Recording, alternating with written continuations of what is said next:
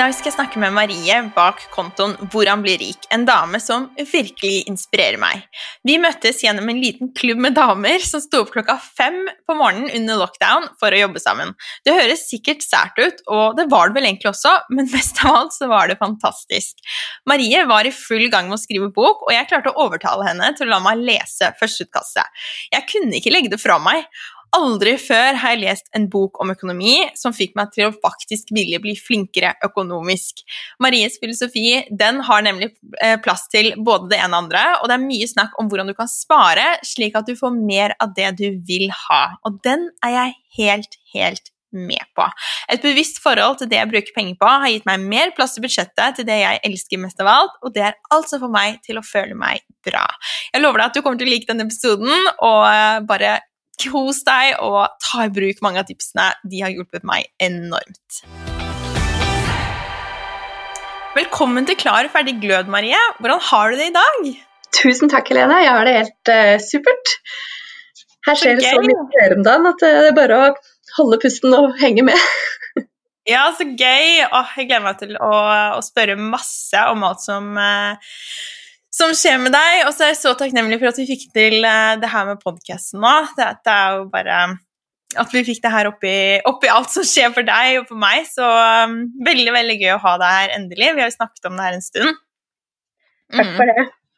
Ja. Vi møttes jo første gang gjennom vår felles venninne Tina Holt. Uh, og så har jo jeg fått følge reisen din med, med boka, og som jeg bare sier, gratulerer så utrolig mye med bok. Hvordan føles det? Ja, det føles helt uh, uvirkelig, rett og slett. Fordi jeg har jo brukt uh, Ja, det er jo halvannet år siden jeg begynte å skrive bok. Uh, og så har det liksom gått litt sånn slag i slag. Og så skulle boka vært ute i august, men pga. korona så er den utsatt.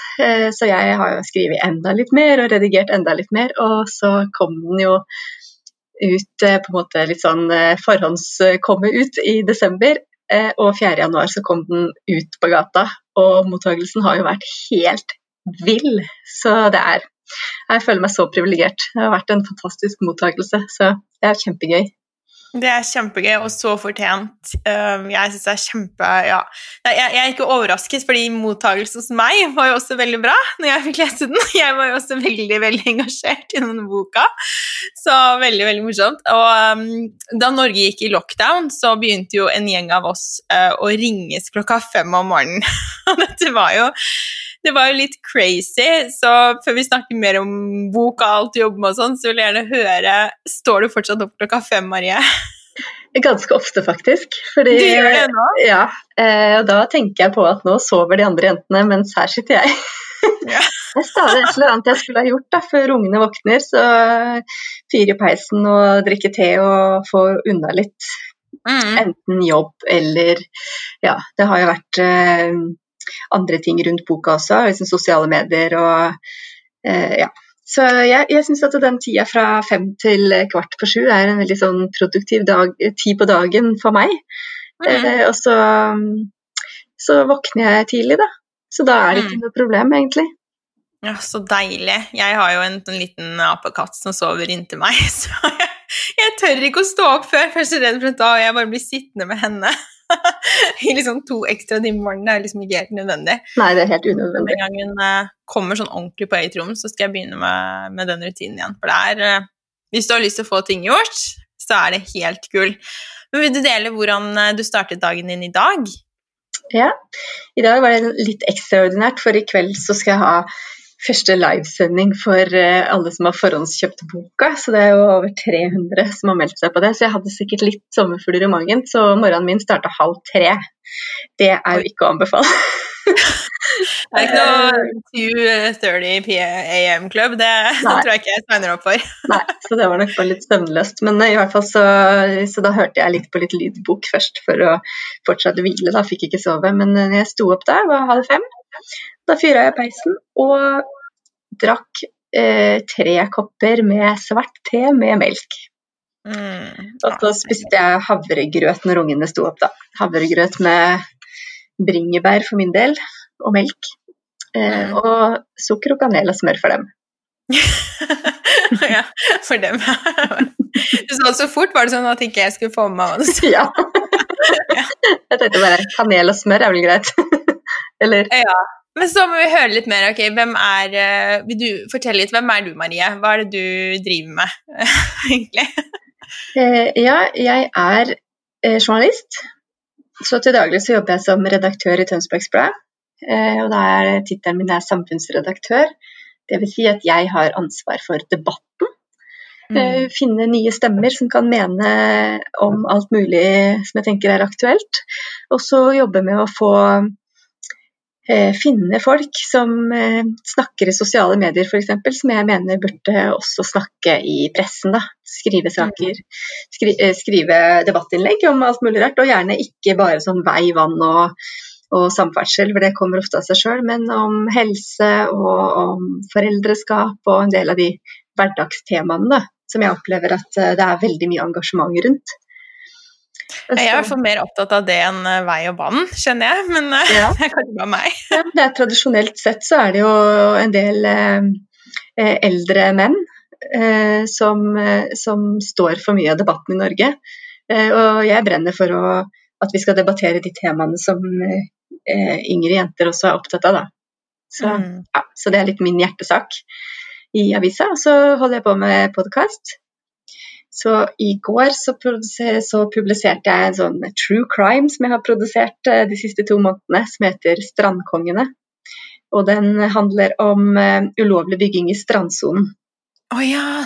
ja, den har du fortalt meg om. Å, den skal jeg høre. Ja, så det er også sånn Jeg tenker at det er sånn um, sårbare områder da, i naturen som Mm. bygges ned i veldig, mange, i veldig store deler av Norge. Så akkurat den fortellingen her den er knytta opp mot en rettssak som begynner 19.1.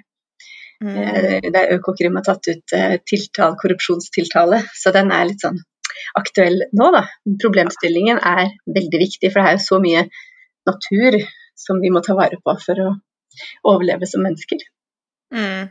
Sånn som jeg ser deg, så er du veldig engasjert i temaer som, som angår mennesker, og som angår liksom mange av oss, men så klarer du også å få litt sånn tunge temaer da, til å bli skikkelig gøy og inspirerende, og ja, du har litt sånn, eh, litt sånn spunk. Takk. Ja. Så ja, dette er jo derfor eh, Ikke bare derfor du er her, men eh, det vi skal snakke om nå, er jo selvfølgelig dette temaet som du har jobba så mye med nå, er jo hvordan vi kan bli rike på et år. Men for deg som er journalist, og som egentlig, altså, hvordan startet dette hele for deg? Hvordan ble du interessert i dette temaet? Eh, Jeg ble interessert i økonomi fordi jeg på en måte følte på kroppen å ikke klare å Eller å ikke ha kontroll på økonomien. Eh, Sånn at det starta jo på en måte som et veldig personlig prosjekt. Eh, Og, og, og for å liksom ta det veldig konkret, da, så var det da eh, 25.1 2019 at jeg hadde levert bilen på EU-kontroll.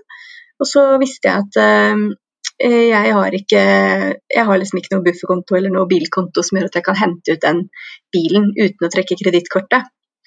Eh, og, og så hadde jeg jo syntes at jeg hadde vært litt eh, traurig en stund. Jeg hadde sovet litt dårlig og sånn. Eh, kjente at det på en måte begynte å gnage litt ekstra. Så, så jeg bestemte meg for det akkurat, liksom, akkurat der og da, idet jeg kom ut fra, fra um, verkstedet, uh, at jeg skal ikke ha det sånn lenger. Mm. Eh, og så vet jeg også at eh, i januar er det mange som syns at det er vanskelig med penger. Eh, og da tenkte jeg som journalist at her er det et kjempebra tema å lage journalistikk rundt. Sånn at det var på en måte utgangspunktet mitt. Så tenkte jeg nå skal fader rullan meg jeg bli rik på et år, og så skal jeg dra med meg så mange av leserne våre som overhodet mulig i det dragsuget, da. Positivt dragsug. Ja, og du har jo vært veldig personlig i den reisen også. Du har jo delt masse liksom hvordan dette har vært for deg, da, og, og snakke om og, og at du faktisk var der du var. For det er jo så mye med den der vi skal få til en endring, så må vi jo bare være litt sånn Ok, nå er jeg her, da. Du ble jo på en måte litt lei av det opplegget du hadde. Det er jo ofte litt sånn at man plutselig bare blir sånn Ok, det her går ikke lenger. Og For nå har ikke altså, Ubehaget du er i, da, blir større enn ubehaget du må gjennom for endring. Og det Ja. var vel dit du kom. Ja, og det er, det er veldig riktig sagt. Og jeg har, jeg har skrevet i boka at eh, at uh, på, I USA så heter det 'I was sick and tired of being sick and tired'. Uh, ikke sant? Så lei av å være lei. Mm. Og, og, så går det på en måte litt sånn på selvfølelsen løs, da. Å være voksen og ha unger og full jobb og hus og bil og hytte til og med, ikke sant. Og, og så, og så liksom skorter det på noe så grunnleggende som den økonomiske forståelsen. Mm. Så tenker jeg at altså, Kunnskapen var jo der, jeg bare gjorde det ikke. Det er som alt annet. Det er jo som kosthold og trening og uh, ikke sant? Uh, ja, alt annet vi må lære oss, da, som vi ikke gidder å lære oss, eller som vi ikke gidder å gjøre. Eh, mm. Men når det, som du sier, når liksom ubehaget ble stort nok, så så jeg en mulighet da, til å gjøre ja. noe positivt ut av det. Absolutt. Men uh, har du alltid syntes at det er spennende med penger? Nei, aldri. Nei, aldri.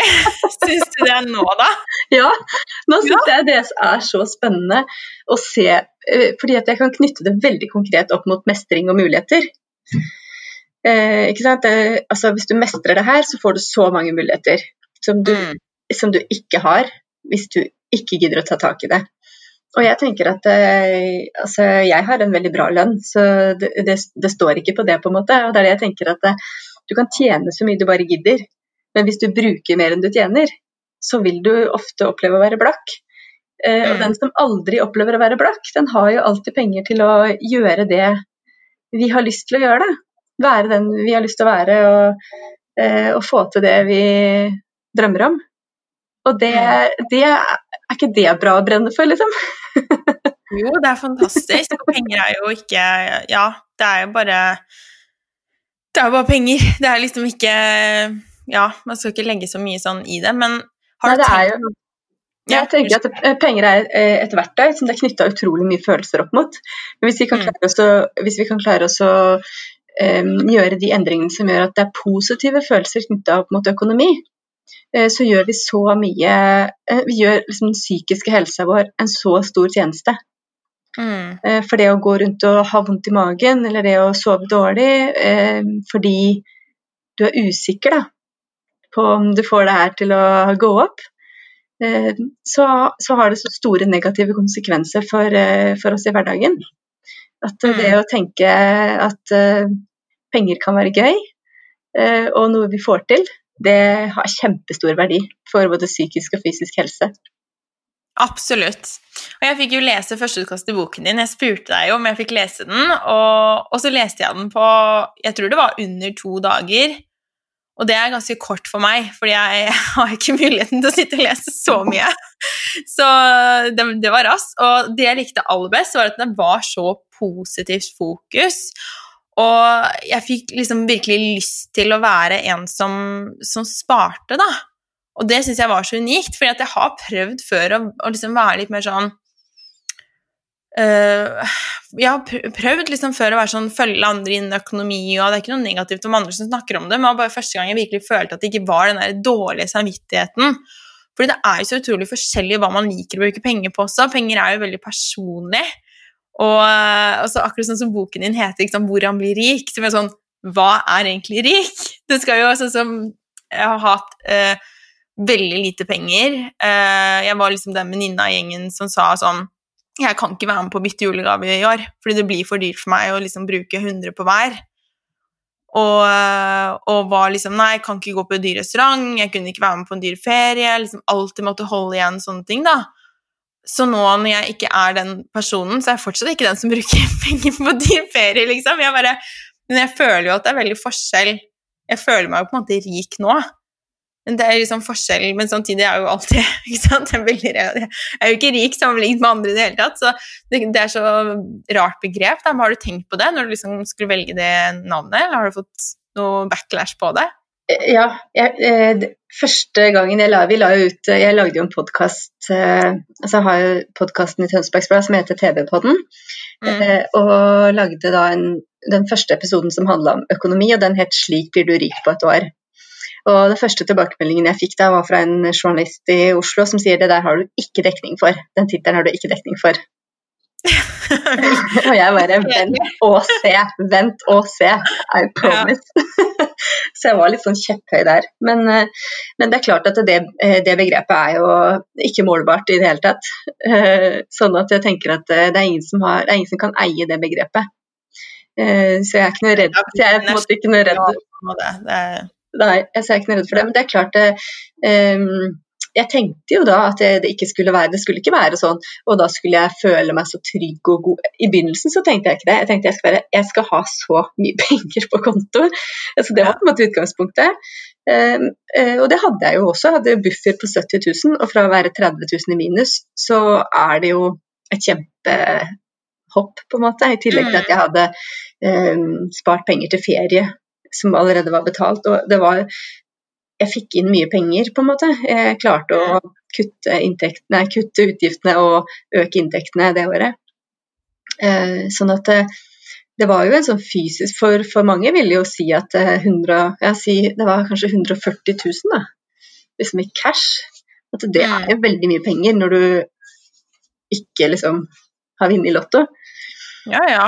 Sånn at det, den opprydningsjobben blei på en måte veldig konkret penger, på en måte, men, men den viktigste endringen for meg, da, det jeg sitter igjen med, liksom den største rikdommen, det er jo holdningsendringene mine. De nye vanene. Eh, mm. og um, formidlingsgleden.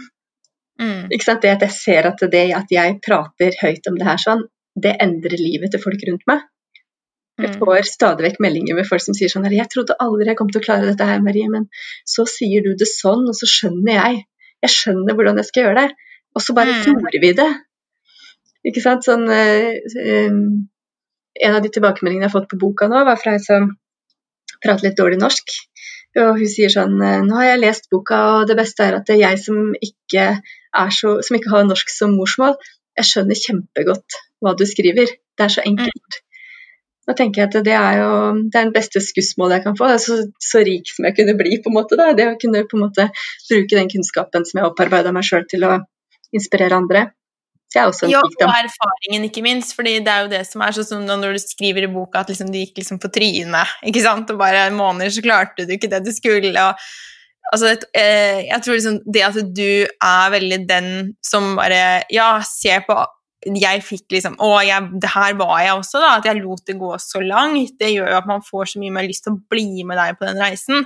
Så det var sånn som jeg skrev til deg, ikke sant? at jeg bare nå, jeg kjenner ikke det her, å, de der dyre ullgenserne. Jeg har veldig sånn ullgenser.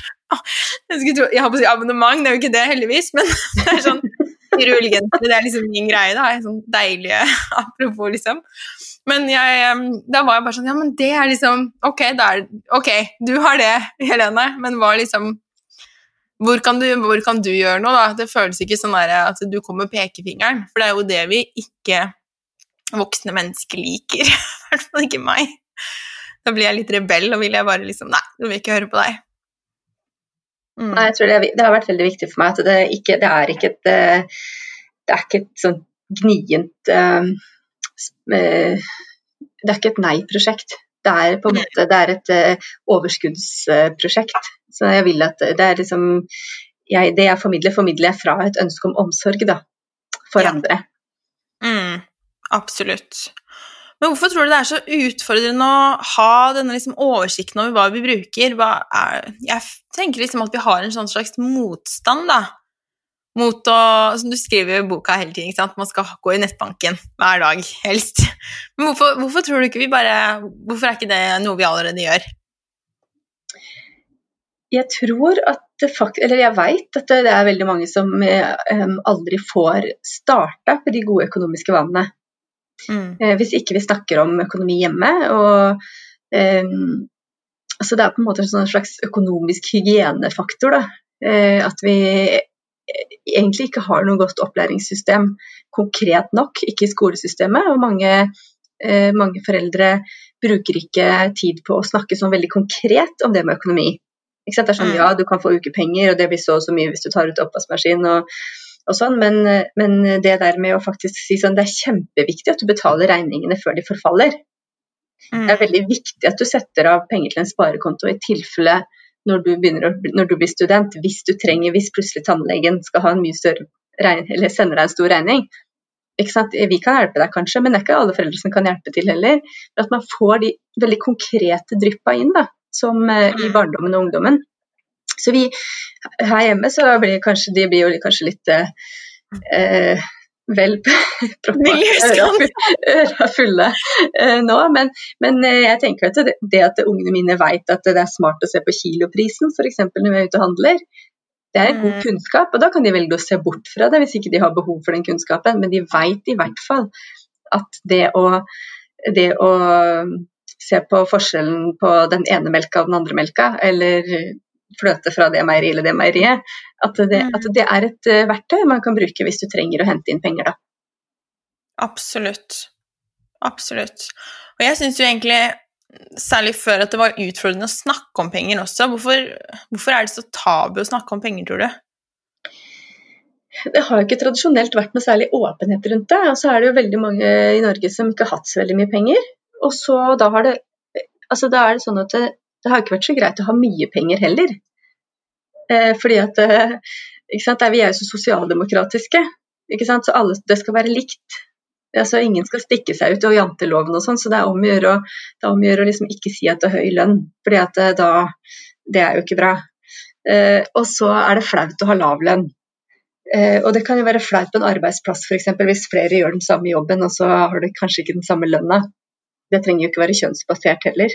Det kan jo være man har kommet inn med forskjellig erfaring eller mm. på forskjellig tidspunkt, eller at man er liksom forskjellig stilt i konkurransen om, eh, om en om en stilling f.eks. Eh, og så har det jo ikke vært tradisjonelt noe åpenhet rundt lønn i Norge. Nei. Hvem tjener hva? Nei, det vet vi ikke. Og, ja. sånn at, eh, det, og det med at det er liten åpenhet rundt hva folk tjener, da, det, eller at vi ikke snakker så veldig mye om det, det gjør jo også at eh, vi tror jo ofte at eh, vi må ha flere ting og dyrere ting fordi at alle rundt oss har det. Mm. Um, og så er det jo sånn at eh, Jeg kan jo se meg rundt her, rundt her sånn, og se ja, de har råd til snøfreser, og de har råd til Tesla, og de har råd til uh, Ikke sant? Men jeg veit jo ikke om de har råd til det. Jeg veit ikke om det er Lisa, eller om, om de har lånt oppover pipa, eller om, de, eller om det er liksom en pappa som er medlåntaker, eller Det veit vi ikke. Eh, og derfor, eh, derfor, stilles det liksom noen økonomiske krav, da. Eh, mm. eller som vi stiller til oss sjøl, basert på at vi sammenligner oss med naboen eller en kollega eller søstera di eller så det kan være en sånn vond konsekvens. Da. Det ser jo ofte på Luksusfellen. Da sier de ofte 'jeg vil ikke være noe dårligere enn de andre'. Mm. Så har de sammenligna seg med alle naboene til sammen. ja, og har kanskje dobbelt så mange biler som alle naboene ja. til sammen. Jeg vet ikke hvorfor, men alltid på Luksusfellen så har de så mange biler. veldig mange biler. Og en ATV. Alltid veldig mange gamle biler. Det er veldig, mm. ja. Noen liker jenter, og noen liker biler, til tydeligvis. Men nå har vi jo akkurat startet et nytt år, og som du sa, det er jo veldig mange som enten så har man behov for å spare mer penger, når man har brukt for mye, eller så kanskje man kjenner at det bare er en sånn god ting man har lyst til å fokusere på. Altså Det kan være uavhengig, det tenker jeg er det viktigste uansett. ikke sant?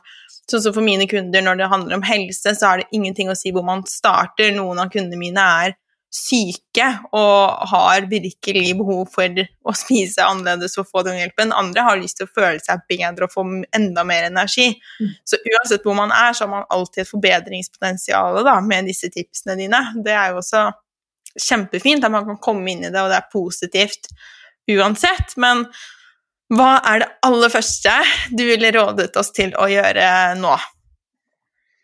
Eh, ja, det er jo Jeg tenker at det uansett alltid, hvis du skal gå inn i økonomien din, så er det jo å forstå økonomien.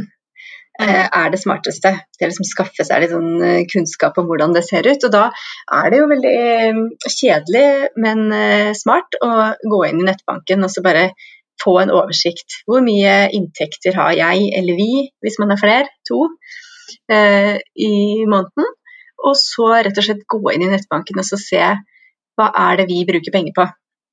Mm. Og da er det sånn at forskning, viktig forskning sier at uh, den jobben den burde vi gjøre med en blyant eller en kulepenn og papir. Fordi, jeg gjorde det. Ja, fordi at det, det, det rett og slett uh, skapes noen andre knagger i hjernen når vi bruker en hånd, hånd øye, eh, hode-kombinasjonen. Eh, og rett og slett bare skriv ned alt du bruker penger på, og så gjerne kategorisere. Så ser du hvor mange ganger har jeg vært på butikken og handla mat. Oi, det var 20 ganger på 30 dager. Eh, og så bare summere opp der. Og da ser du veldig tydelig hva slags eh, handlevaner du har da, i løpet av en måned. Eh, og så Hvis du da tar inntektene dine minus utgiftene, så ser du hvor mye du har igjen. Og da er det jo skremmende mange som eh, ikke har igjen noe, eller som har brukt mer enn de tjente. Eh, og da er det et fint utgangspunkt, for derfra kan det bare bli bedre. Mm. hvis man følger tipsene til Marie, da. ja, hvis man følger tipsene. Ja. Så det jeg tenker tenke at det første er liksom å forstå hvordan er, hvordan har jeg det eh, i økonomien min, da. Eh, og så kanskje, og hvis det er penger igjen, så tenker du ok, har jeg spart noen penger? Eh, sparte jeg noen penger?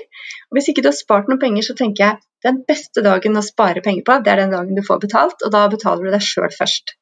Så da er det å lage en sparekonto og så sett enten hvis det er kortsiktige penger, så sett et fast sparetrekk til sparekontoen. Og hvis det er langsiktig sparing, så kan du tøffe deg skikkelig og lese deg litt opp på investeringer. Og så mm. sette opp et fast trekk til først en aksjesparekonto, og så et globalt indeksfond. Og så blir du dritrik om mange år. det har jeg gjort nå. Og så har jeg sånn eh, Eh, altså sånne autotrekk. Det er kjempeviktig. fordi hvis ikke så, for, for meg da, så er det sånn hvis jeg øker, så det jeg gjør, da, siden jeg driver eget, er at jeg bare gir meg selv en ikke en lav lønn, men jeg, jeg tar ut mindre lønn enn det du tjener, f.eks. Og er litt sånn for å holde det nede, da. For jeg har et stort sparemål, det er jo hus. Mm. Uh, og det koster jo skjorta i Oslo. Så, så, det er et, et langsiktig sparemål. Men det å ha sånne auto og trekk er genialt, for da merker du nesten ikke. Uh, og alt selvfølgelig, det er relativt ikke sant? Det blir jo en disclaimer, liksom. Nå sitter du her og bare 'Å, jeg får ikke endene til å møtes', og sånne ting. Så skjønner at det kan være frustrerende, men vi må på en måte kunne snakke om begge sider, ikke sant. At uh, du har sånn at du bruker kanskje penger på ting du egentlig ikke trenger, da. Sånn som klær og liksom det, Vi trenger jo veldig, veldig lite. Uh, og da er det jo veldig fint å gå, faktisk få den oversikten. Det var en veldig aha for meg. Jeg husker jeg sendte melding til deg og bare Å, herregud, jeg bruker så mye på vaskehjelp. Husker du det? Ja. Og så var jeg sånn Skal jeg si opp vaskehjelpen? Vi har vaskehjelp, og så er det veldig viktig for oss at det er uh, at hun liksom skatter ordentlig. Ikke sant? Det er ikke sånn uh, Det er ikke svart arbeid, så det er jo dyrt. Men så har jeg kommet frem til at det er så verdt det. det er liksom, Jeg betaler den regningen med glede. Så ja. Men alt, du får liksom sett alle abonnement du har. Du får, liksom, du får virkelig bare Oi, ok, betaler jeg for det? Eller har vi kjøpt så mye liksom, tyggis eller et eller annet ikke sant, som du finner ut at bare, det er ikke det jeg vil at pengene mine skal gå til. Så det jeg begynte med etter at jeg leste boken, var at jeg ble sånn Å, skal jeg kjøpe meg en caffè latte? Og så bare Nei, de pengene skal gå til noe annet. Og det kan godt være den genseren eller noe sånt, ikke sant? men at de små tingene jeg før kanskje ble liksom bare flinkere til å tømme kjøleskapet. Jeg ble bare mer bevisst, men det var alltid en positiv spinn. Det var ikke sånn, sånn lack mentality. Det var ikke sånn at jeg bare Nei, nei, nei, liksom. Sånn strengt. Det var mer sånn derre Nei, nei, husker du, liksom. Sånn, det skal jo gå til noe bra. Så det syns jeg var uh, helt fantastisk. Og man må bare lese boken for å oppleve det. Det er vanskelig å forklare sånn ett tips her og der. Uh, ja. ja men, det, men, det, er veldig fint at du sier, eller hyggelig at du sier det, Helene, for det er det jeg har prøvd å få til. Eh? At folk skal forstå at ok, min økonomi er min økonomi, jeg må gjøre de, det jeg trenger for å, for å, på en måte ha det bra i min økonomi. Um, og at det skal være en positiv greie. Og som du sier, sånn, det er jo noen som har veldig lite, men akkurat det der med å spare først, det er veldig viktig også hvis du har veldig lite. Hvis du har veldig lav lønn, hvis du har høye utgifter, så er det veldig, veldig, veldig viktig å ta den gjennomgangen og lære økonomien sin å kjenne. Og også sette opp et fast trekk. fordi det er altså, så mye bedre å ha, å ha klart å spare 2000 kroner den dagen oppvaskmaskinen ryker, enn å ha null kroner. Sånn at alle monner drar. Mm. Uansett hvor i det økonomiske spekteret du er, da, så tenker jeg at uh, skaff deg en bitte liten bufferkonto. Uh, og jo mer du eier, jo større må den bufferkontoen være. Ikke sant? Hvis, hvis du har stor hytte og vannet ryker på hytta, så trenger du en bufferkonto. Mm. Altså, du- du har ikke mer enn lønna di uansett om du tjener to millioner. Hvis ikke du har satt av noe som helst, så har du ikke de pengene. Hvis du har forbruk så stort at den lønna går hver måned, så hjelper det ikke å ha høy lønn. Nei. Har du på en måte bare løfta deg til et nytt økonomisk nivå. Mm. Uh, og det gjelder alle. Downfall, på en måte. Ja, ikke sant? Ja, ja. Mm, det er helt sant, ja. Det er helt sant. Og så snakker du jo en, en del i boka også om hvordan du kan få økt inntekten din. Hvordan kan vi gjøre det? Hva er det vi kan gjøre for å tjene mer penger? Hva gjorde du? Uh, altså jeg har fast lønn, dvs. Si at jeg, kan, jeg har lederlønn, sånn at jeg kan jobbe til jeg kaster opp uten å få mer betalt. Eh, så jeg, jeg kunne ikke jobbe overtid og så ta ut eh, penger den veien. Men har du en jobb der du kan jobbe overtid, eller ta en helgevakt, eller bytte deg til flere kveldsvakter sant, som er bedre betalt, så er det veldig det er det fint å gjøre i en periode. Mm. Så vet jeg at Altså, jeg leide jo ut um, hytta mi på Airbnb. Mm. Det var jeg veldig spent på. Den hytta den har utedo, og den har ikke vann. Um, men den har strøm og ligger for seg sjøl i skogen, og det er kjempefint der. Og jeg lurte på er det noen som vil leie liksom, så spartansk hytte. Og det viste seg at det ble Det kjempeeksotisk. ordet der, spartansk. Det ikke sånn en rønne, liksom.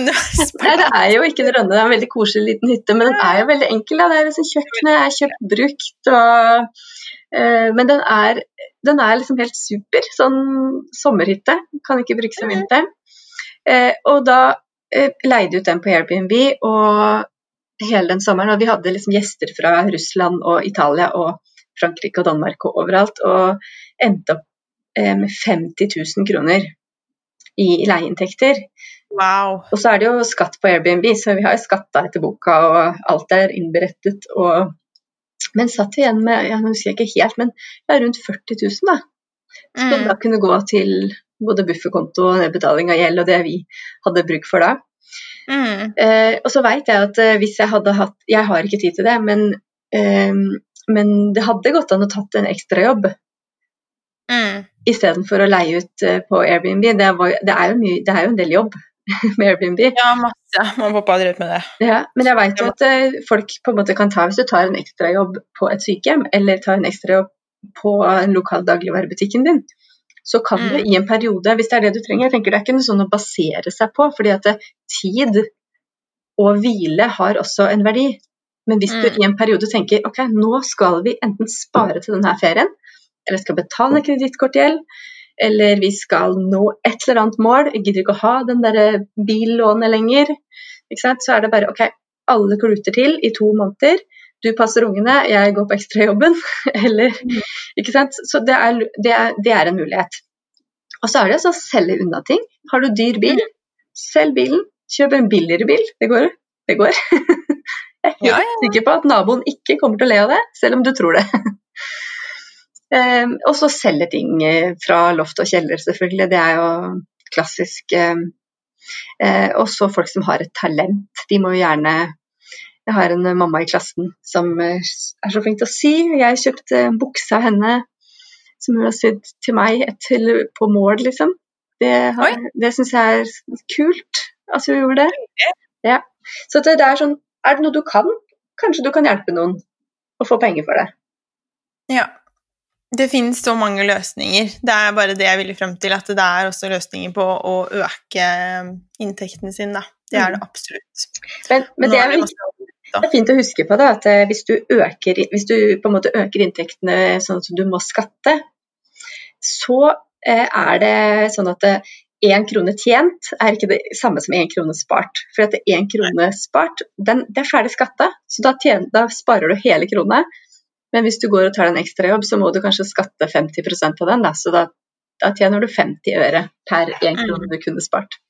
Så det er Men hvis du spiller liksom sporadisk er det inn, så går det vel uten at det blir skatt på det. Ja, det er masse de, Det er sånn du kan tjene 6000 kroner per arbeidsgiver Ja. eh, ti ganger, tror jeg, så 60 000. Mm. Men hvis du er snekker, kan du ikke snekre. Nei, nei. nei. Det må være noe, det må være noe Dette er en eh, helse- og velvære-podkast. Skatte, skatteregler må dere finne et annet sted. Ja. Men det kan være Det er veldig smart å ringe skatteetaten hvis du lurer. Mm. Må jeg skatte av det her? Ring og spør. Det er Mm. bedre å ha gjort, tatt en telefon for mye. Ja, ja. Og de er veldig behjelpelige på folk som lurer på om de skal betale skatt. De er, eh, da, da er de hyggelige, altså. Mm. Så da kan vi få plass til både Prosecco og sparing, sånn som du pleier å si. Ja, det er viktig.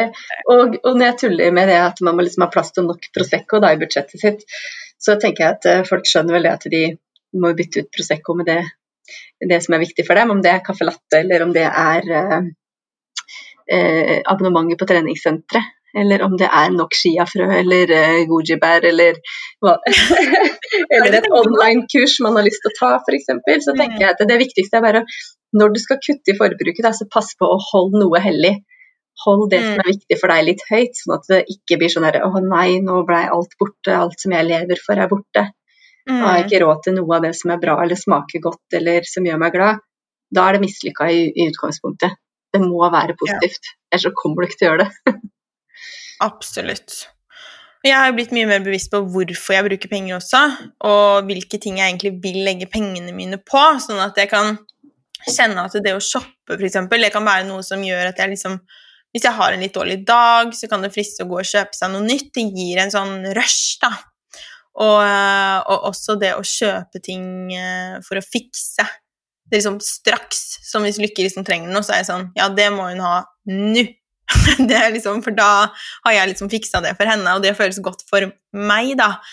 Så, så det handler jo også om å bli litt bevisst på de mønstrene av hvorfor vi bruker penger, sånn at vi kan også liksom se det og bare Å ja, ok, nå føler jeg meg sånn, men kanskje ikke det jeg egentlig trenger i dag, da. Nei, jeg har laga meg en sånn Jeg vet ikke om du kan se den her, da. Jeg har laga meg kan jeg vise deg som vi er på video. Uh, Mm. her, en sånn Nå ble det speilvendt meg. Jeg har det. Ja, jeg ser. laga meg en bakgrunn på telefonen der det står 'jeg har Mm. det jeg trenger'. Og det skal Mm. minne meg på at eh, ok, det kan godt hende at jeg trenger det, men ikke i dag, stort sett. Så Ja. jeg kan vente til i morgen med litt større innkjøp, da. Altså hvis jeg vil ha en softis, så kjøper jeg den. Jeg venter ikke til i morgen, men litt sånn større innkjøp, da. Mm. Men det er, ja, det er, det er kjempeviktig å bare bli mer eh, bevisst. Så Marie, hva er det du prioriterer å bruke pengene dine på? Hva er det som er sånne Hva er Prosecco for deg, kan vi jo si? Ja, det er Proseccoen, da. Nei, det er jo Jeg syns jo Altså, i det siste har jeg i hvert fall brukt eh, eh, mest penger på tapet og fliser i det nye huset som jeg har kjøpt. Em, så det har det jo gått litt eh, penger på. Og så faktisk eh, håndverkere. Mm. Eh, og det er sånn at jeg Noen ganger så har jeg fått litt sånn vondt i magen, for det er så veldig dyre ting, da. Men det å faktisk betale noen for å gjøre noe som gjør livet vårt her bedre, da. F.eks. nå har vi jo bodd her i tre, ja, i to og en halv måned, og vi har ikke hatt strøm i den ene stua. Men nå i går var det en elektriker her og la inn strøm, og det eh, er, vil jeg si er verdt pengene. Å kunne skru på lyset og ikke ha TV-en på skjøteledning. Eh, Ja. men, det, fint- men det er fint at de kommer eh, når, når jeg har penger, da. Mm. Før så ville jeg jo bare tenkt at det kan jeg betale med kredittkortet, men det gjør jeg ikke nå. Mm. Men hva Har du noe råd sånn når det gjelder kredittkort, liksom, så hvis man har utfordringer med det, at man lett tyr til kredittkort? Er det liksom klippe, eller er Ja. det Ja. altså Hvis man har utfordringer med eh, kredittkortbruk, så vil jeg si klippe. Rett og slett. Hvis man er veldig god på altså, Og så er det sånn, som jeg også skriver i boka, da, at eh, forskning viser at vi kjøper mer hvis vi, kjøper, hvis vi handler med kredittkort. Enten vi har god eller dårlig råd. Og det, det, handler, med, det handler om at eh, eh, når vi kjøper ting, så trigges smertesenteret i hjernen. Ja. Eh, og det vil si at eh, Noen ganger så kjøper vi ikke ting for vi syns det er for dyrt, og da har det på en måte pirka litt for hardt i smertesenteret. Men, Mm. eh, og det, er, det her har forskere kommet fram til ved å bruke MR-maskiner, og så lese de tegningene Men som kommer frem. liksom. Ja, mens man ser bilder av ting og, Ja. og priser. Mm. eh, tror jeg det var. Men i hvert fall, eh, og da er det sånn at eh, hvis du handler med cash, så gjør det mer vondt i hjernen enn hvis du handler med kredittkort. Og det handler om at når du, handler, når du kjøper ting med kredittkort, så utsetter du betalingen. Du betaler jo egentlig ikke, du bare lover at jeg kommer til å betale. Jeg skal betale, sier du. Og så får Mm. du liksom med deg varene, og så, og så kortet. Så du har på en måte ikke gitt fra deg noen ting. Eh, og det er på en måte kjøpepsykologien, da. Eh, forskjell på cash og, og kredittkort. Og debetkort er faktisk litt imellom, da. Sånn at nå bare det der, den, den der mestringsfølelsen av å trekke et vanlig bankkort og vite at jeg jeg betaler for det nå. De pengene Mm. forsvinner nå. Eh, og da kjøper jeg det fordi jeg har de pengene nå. Mm.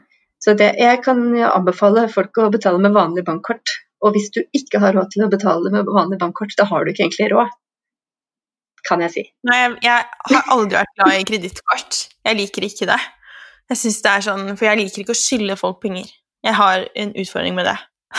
så øh, Men det er jo en bra ting med meg, tenker jeg at jeg ikke er så glad i kredittkort. Men øh, eneste gang jeg bruker det, er hvis jeg skal kjøpe noe som hvor det er liksom rabatt eller noe hvis jeg bruker kredittkortet. Men selv da så syns jeg ikke det er noe gøy. Jeg blir sånn nei. Jeg er veldig sånn nei, jeg liker ikke. Det er et eller annet sånn en eh, sperre der.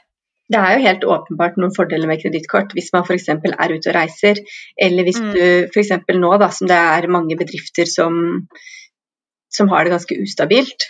Eh, og, Mm. og før jul nå så var det jo, gikk jo Virke og andre handelsorganisasjoner ut og sa at nå ønsker vi at dere kjøper gavekort til hverandre til jul.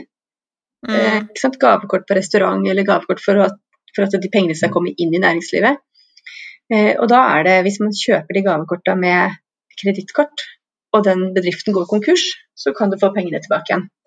Hvis du har Mm. kjøpt, det nei, kjøpt et gavekort med vanlig bankkort, så er de pengene tapt. Ja. Så det er gode grunner til å handle med kredittkort også, men hvis man har utfordringer, så vil jeg si at eh, ja, litt som alkohol, ho- bare hold deg unna.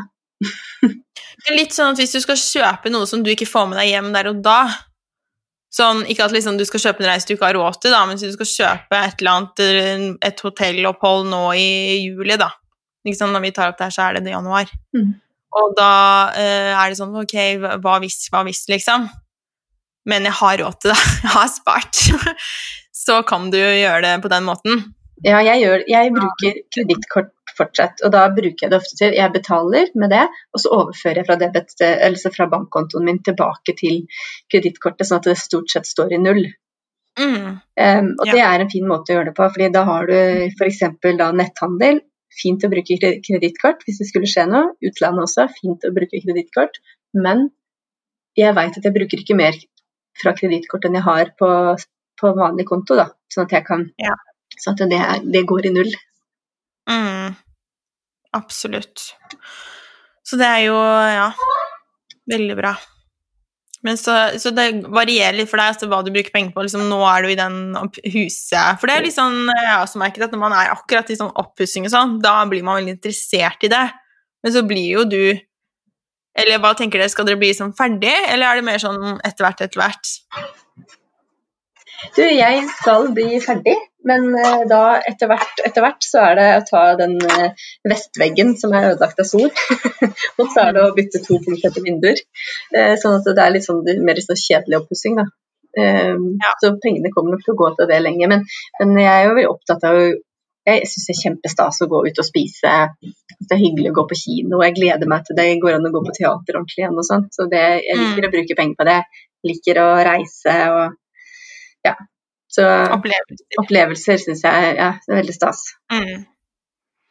Så hvis du har lyst til å begynne å, å, å spare mer, da Ok, vi har kommet nå, ikke sant? Vi bare Yes, sparing er gøy. Um, vi bestiller boka, og så, mens vi venter på at den skal komme i posten, uh, med min eh, quote på, det er så stas, uh, så er det vil du gi tre konkrete ting som vi kan gjøre nå for å starte.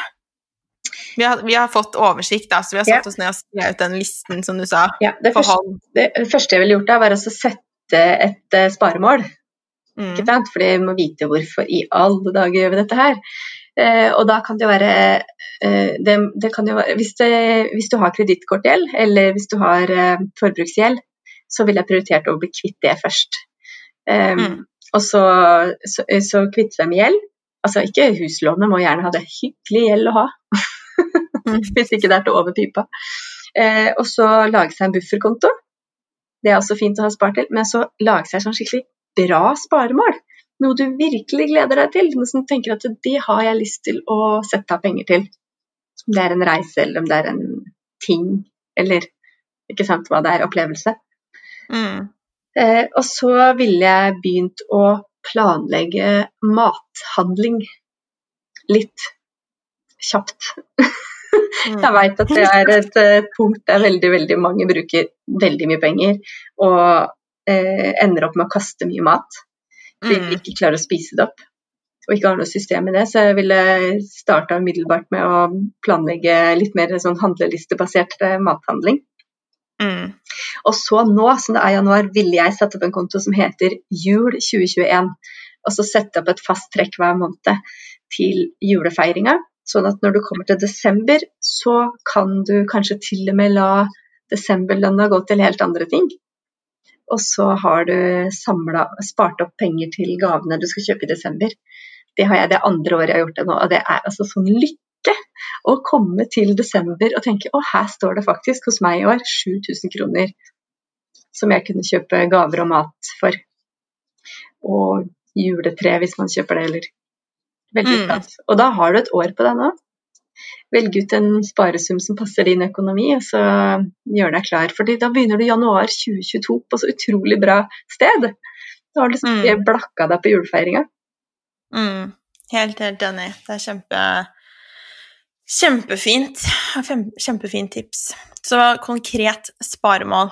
Det er eh, også å finne litt sånn nivåer av det, da. Mm. Mm. Og så var det det å få oversikt over pengene. Og så var det det å lage en julekonto. Ja. Og så være smart med mat. Matsmart. Mm. Ja. Veldig, veldig bra. Jeg støtter deg på det. Det er også kjempebra for Elsa. Og virkelig og det jeg kan si på det også, er jo at man trenger ikke å gjøre det så komplisert. Veldig mange tenker at man må ha 40 forskjellige retter som rullerer på middager. Vi legger alltid inn Vi har noen faste ting. Vi har veldig ofte taco på fredager. Big surprise. det gjør vi, da. veldig special. Og så har vi veldig ofte kanskje Vi lager ofte pizza dagen etterpå av de lompene som er igjen. Det syns vi er godt. Og så har vi forskjellige lomper, fordi jeg vil ha enten sånn glutenfri eller grove, eller sånn, Jon Anders vil ha de der eh, hvite. Så da har vi mange lomper igjen, og det irriterer meg veldig at han ikke spiser de. Så da har vi begynt å gjøre det, og så har vi liksom eh, Kanskje vi har fiskekaker en gang i uka, så, liksom, så bare ha det sånn enkelt. Og så legg gjerne også inn én til to dager, avhengig av Nå er man mye hjemme, men når det blir så mye aktiviteter og sånn, superenkle, sånn type sånn omelett. At man liksom bare har sånn Det er lov å ha liksom eh, eh, brød og pålegg eller liksom et eller annet. Bare sånn, gjør det veldig, veldig enkelt et par dager og legge inn det, sånn at ikke du må stå og bruke masse, masse tid også på matlaging. Så blir det mye lettere. Og så har du disse basicsene for frokost. Og det kan du jo også handle over nett. Det er jo kjempegreit nå. ikke sant? Du legger alt inn og har sånne faste hver uke som du bare endrer på. Så det er et av mine mål i år, å bli flinkere til å gjøre det. Jeg er så glad i å handle. Det er min utfordring. Jeg elsker å åpne matbutikken. og titte og hva er nytt, liksom. Så Men eh, det er kjempe, kjempelurt også for å, å spise bedre og kaste mindre mat, ikke minst. Mm. Veldig bra. Så hvordan skal vi fortsette å spare? Hvordan, har du noen tips til hvordan jeg kan motivere meg til å fortsette? For jeg fikk veldig iver i starten. Jeg var så inspirert. Jeg sparte masse bare på å kutte ut mange sånne unødvendige ting. Men så glemte jeg det litt, for å være ærlig. Så hva kan jeg gjøre for å fortsette? Jeg, har satt autotrekkene og sånne ting, så det er jo superbra, men liksom for å være den derre Yes, er det det å liksom opprettholde nye sparemål, eller har du noe sånt Hvordan gjør du det? Eh, jeg tenker at det er det å hele tida ha på en måte et aktivt sparemål, da. noe du mm. gleder deg til. Men samtidig så tenker jeg at eh, hvis du klarer å lage Hvis du klarer å bestemme deg for hvor mye skal vi bruke til mat her i huset, og så holde seg til det budsjettet, og så, og så sette opp de faste sparetrekka sånn, sånn at eh, de, de trekka går da, hver gang du får lønn, så, så er det ikke noe mål for meg at alle skal gå rundt og tenke på sparing hele tida. Jeg tenker at Målet er å tenke minst mulig på det, bare la det rulle og gå. og tenke ok, ja, Hvis jeg tar vekk alt jeg må spare idet jeg får lønn, og jeg ikke bruker mer enn jeg har, nei, da holder det. Ja. det trenger ikke å være noe sånt livslangt prosjekt. ja, det er jo litt sånn. Fri flyt av resten. Ja. Bruk det på det du, det, det du, vil, liksom. Så lenge du betaler regningene og, og har spart til det du trenger til siden. Så, mm. så lenge du, Og så bare pass på at du ikke bruker mer enn du har. Så tenker jeg at det er fint. Jeg får litt frisk luft og sover litt bedre enn meg enn det jeg gjør om natta. Og så bruker jeg ikke mer penger enn du har. Det, det trenger ikke være, man trenger ikke være sånn supersparer resten av livet. Nei, helt enig. Det, det var godt å høre. Så hva, hva, er viktig for at du skal ha det godt i hverdagen, Marie? Eh, det er jo selvfølgelig at barna mine har det bra. Det er viktig. Eh, at vi eh, det er så veldig viktig for meg at jeg klarer å opprettholde dette, denne økonomien. Og det har jeg fått veldig god selvtillit på nå, så nå merker jeg at, det, det, at de, de vanene sitter inne. Um, men ellers er det sånn. Det merker jeg nå i det siste har det vært vanvittig stressende. Det at jeg ikke får nok frisk luft. Og det med hjemmekontor. Det er å ta mm. seg sjøl litt i nakkeskinnet og så få og så, og så, få mer luft og mer lys. Heldigvis så blir det lysere framover nå. Halleluja. Ja, halleluja. Ellers så er det eh, lesing. Syns det er veldig fint å lese både papirbøker og lydbøker og lære noe nytt. Det er så mye mm. nytt det går an å lære. Jeg er så glad for det. ja, og det fyller, jo, det fyller, jo, på inspirasjon. Så det jeg gjør nå, har jeg begynt med, er liksom at jeg hver morgen leser Uh, når jeg har levert i barnehagen, og sånn, så har jeg min morgenrutine, og en del av det er å bare lese liksom, fire-fem sider i en av bøkene mine. Og det kan gjerne være en, altså alt fra oppskrifter, men også uh, bøker om selvutvikling. ikke sant? Alt som jeg syns er inspirerende. Så bare fyll på med inspirasjon, for det, det, påvirker hele dagen og alle valgene du tar hele dagen. Mm. Så det trenger ikke å være sånn jeg, I hvert fall for meg så har jeg tenkt sånn jeg må sette meg ned og lese på den måten det er på liksom stokkfoto. At man sitter liksom i en sofa og Det trenger ikke å være så Ja, ikke sant. Før så var det kanskje på toget for mange og sånne ting, og nå, nå er vi mye hjemme, og da er det så fint å kunne fint å kunne lese. Og bare mindre, litt mindre TV og litt sånn um, liksom bare å se, og så mer å lære å fylle på. Det er kjempefint. Og jeg anbefaler absolutt å bestille boken i Marie. Den var helt fantastisk å lese, så tusen takk igjen for at jeg fikk lov å snike meg foran i køen og lese før den kom ut. Det var veldig hyggelig. Takk for det. Den, den var til stor inspirasjon for, eh, for meg. Jeg sparte faktisk hele det beløpet jeg trengte til å operere ut silikonpuppene mine. like mye som det kosta å ta det inn. Det sparte jeg på de månedene etter at jeg leste boka. Så det gikk jeg liksom i null på. Det var veldig deilig, for det var liksom ikke det jeg hadde mest lyst til å bruke penger på, skjønte jeg. Så det var liksom Så takket være deg. Det er bare Ja, det er helt fantastisk, altså. Så de mm. Det er eh, veldig god pengebruk, syns jeg. Ja, kanskje det rareste kunden jeg har penger. Jeg husker jeg skrev til deg, og du bare eh, What?! Ok. Ja, men det er gøy. Så helt til slutt, hva er det som får deg til å gløde? Det er um, Akkurat nå er det i hvert fall de tilbakemeldingene jeg får, som er helt fantastiske. Og så er det havregrøt med honningmandler og bringebær til frokost. Det er deilig. Tusen, tusen takk for at du kom. Hvor er det jeg kan, eh, og vi kan eh, finne deg og følge alle disse fine tipsene dine? Det er eh, Min hovedkanal er jo Instagram, og der eh, heter jeg 'Hvordan bli rik'. Eh, og så er det en side på Facebook som også heter 'Hvordan bli rik'. Den heter 'Hvordan bli rik', Marie Olavsen. Um, så det er vel det. Hvis dere har lyst til å høre disse gamle podkastene fra TB-podden, så er det også søk opp TB-podden. Eh, og så der er det alt mulig rart. Så, men dere finner kjapt fram til hvordan bli rik på et år, og så kommer til å skjønne hva det er som handler om rasisme, hva som handler om økonomi og hva som handler om vikingskip, som det er i lokalaviser. Litt av hvert. det tror jeg.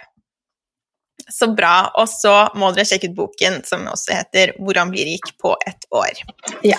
Tusen takk, Marie. Meg det finner dere på heleneragnhild.no, Helene Ragnhild på Instagram og Helene Ragnhild ernæring på Facebook.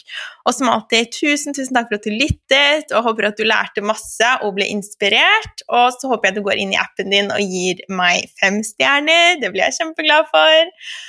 Tusen takk, Marie. Vi snakkes snart. Ha det bra, da. Ha det, ha det.